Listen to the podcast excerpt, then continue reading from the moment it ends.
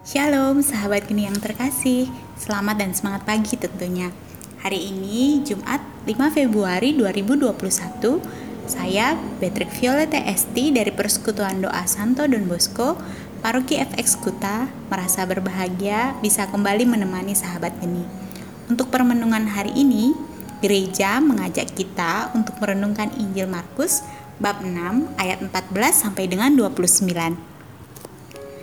Ketika saya memulai untuk permenungan Injil hari ini, perasaan saya bercampur aduk. Karena kisah dalam Injil hari ini menceritakan tentang sebuah pembunuhan pada hari ulang tahun. Tragis ya. Siapa yang dibunuh? Yohanes Pembaptis. Siapa yang membunuh? Herodes. Dan mengapa dibunuh? karena Herodes menyimpan dendam dan gengsi untuk tidak menepati janji di depan tamu-tamunya. Pertanyaan tadi membawa permenungan saya lebih kepada siapa itu Yohanes Pembaptis sampai Herodes menyimpan dendam dan juga pembelajaran apa yang bisa didapat dalam kisah Injil hari ini. Mari kita mengenal Yohanes Pembaptis lebih jauh.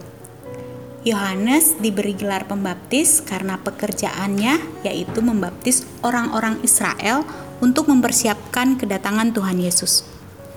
Yohanes Pembaptis adalah putra dari pasangan Elizabeth dan Zakaria. Pada awalnya, pasangan Elizabeth dan Zakaria tidak dikaruniai anak karena Elizabeth mandul.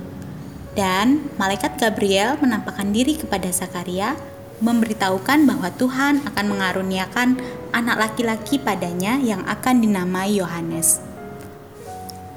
Apa saja yang menarik dari Yohanes Pembaptis? Yang pertama, Yohanes Pembaptis pertama kali menggambarkan Yesus sebagai anak domba Allah yang menghapus dosa dunia. Dengan itu, ia mengungkapkan misinya yang besar.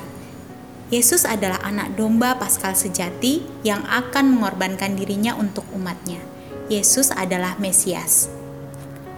Yang kedua, Yesus adalah Dia kepada siapa Yohanes melihat Roh Allah turun dalam bentuk burung merpati.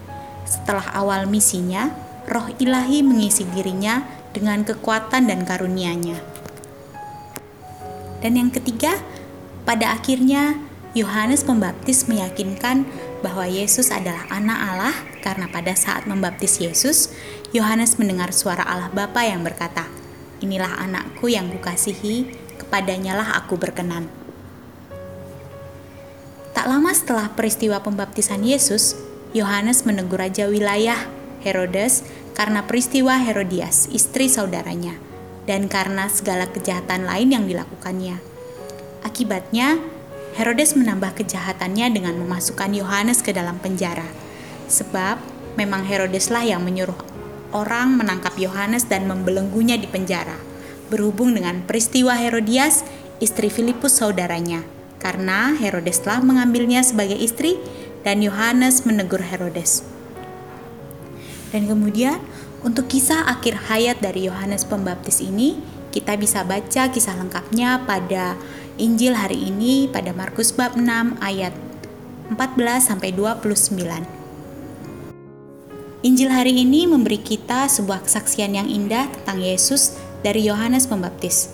Yohanes Pembaptis adalah orang yang sangat penting dalam kitab suci, sebab misi Yesus berawal dari dia.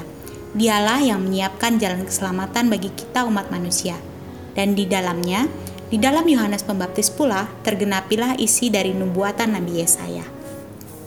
Dengan adanya Yohanes Pembaptis, maka jalan Yesus untuk menyelamat kita sudah terbuka lebar dan banyak orang-orang di Israel tahu bahwa Yesuslah Mesias yang dinanti-nantikan oleh seluruh umat Israel dan yang dinubuatkan oleh para nabi. Kisah dalam Injil hari ini merupakan pelajaran yang sangat penting untuk kita semua. Sebuah pelajaran tentang keberanian mengungkapkan kebenaran, tentang seorang Yohanes Pembaptis yang memiliki integritas pribadi yang tidak diragukan sama sekali. Pesan yang bisa kita ambil dari bacaan Injil pada hari ini. Pertama, pesan yang utama adalah agar kita bertobat. Sebab pertobatan merupakan persiapan batin yang tiada tergantikan untuk menyambut kedatangan Tuhan. Sungguh, Yohanes Pembaptis adalah seorang tokoh yang istimewa, sebab ia melaksanakan sendiri apa yang diajarkannya. Yang kedua, kita didorong untuk tidak hanya bertobat, tetapi juga untuk melanjutkan kehidupan sehari-hari dalam kerendahan hati dan kejujuran. Kerendahan hati Yohanes Pembaptis nampak pada bagaimana ia memperkenalkan dirinya. Ia tidak mengatakan, "Aku anak Zakaria, seorang imam dari rombongan Abia." untuk menunjukkan bahwa ia berasal dari keluarga terpandang. Tapi yang dikatakannya adalah, Akulah suara orang yang berseru-seru di padang gurun. Luruskanlah jalan Tuhan. Ya, ia hanya bilang ia sebagai suara. Padahal Yohanes Pembaptis sesungguhnya adalah tokoh yang penting. Yang ketiga, kejujuran dan keteguhannya untuk menyatakan apa yang benar dan apa yang salah bahkan akhirnya menggiringnya sampai kepada kematian. Saat menyuarakan kebenaran, memang tidak semua orang senang mendengarkannya. Namun, saya dan kita semua tetap diutus untuk menyuarakan kebenaran Allah, meski nyawa adalah taruhannya, sama seperti yang dialami oleh Yohanes Pembaptis dan Tuhan Yesus. Sudahkah kita menjadi seperti yang diteladani Yohanes Pembaptis? agar kita terdorong untuk senantiasa bertobat, hidup dalam kerendahan hati dan kejujuran, berani untuk menyuarakan kebenaran Allah meski nyawa adalah taruhannya. Semoga kita dapat berkata bersama Yohanes Pembaptis, biarlah ia, Kristus, harus makin besar, tetapi aku harus makin kecil. Untuk menutup renungan kita pada hari ini, mari kita panjatkan doa dan memohon rahmat penyertaan Tuhan untuk kita dimampukan mewujudkan sikap yang diteladani Yohanes Pembaptis dan Tuhan Yesus. Dalam nama Bapa dan Putra dan Roh Kudus. Amin. Ya Allah Bapa di surga, terima kasih atas penyertaan-Mu sampai pada hari ini. Tolonglah kami agar memilih Engkau dalam segala keputusan hari ini dan selamanya. Kami ingin Engkau menjadi pusat kehidupan kami. Dengan rahmat penyertaan-Mu, mampukan kami untuk meneladani Yohanes Pembaptis, terutama dalam menyuarakan kebenaran Allah, dan pimpinlah kami di jalan-Mu selamanya. Kiranya ya Bapa, semua doa dan ucapan syukur ini kami naikkan kepadamu dengan perantaran Yesus Kristus Putramu yang hidup dan berkuasa bersama Dikau dan Roh Kudus, Allah sepanjang segala masa.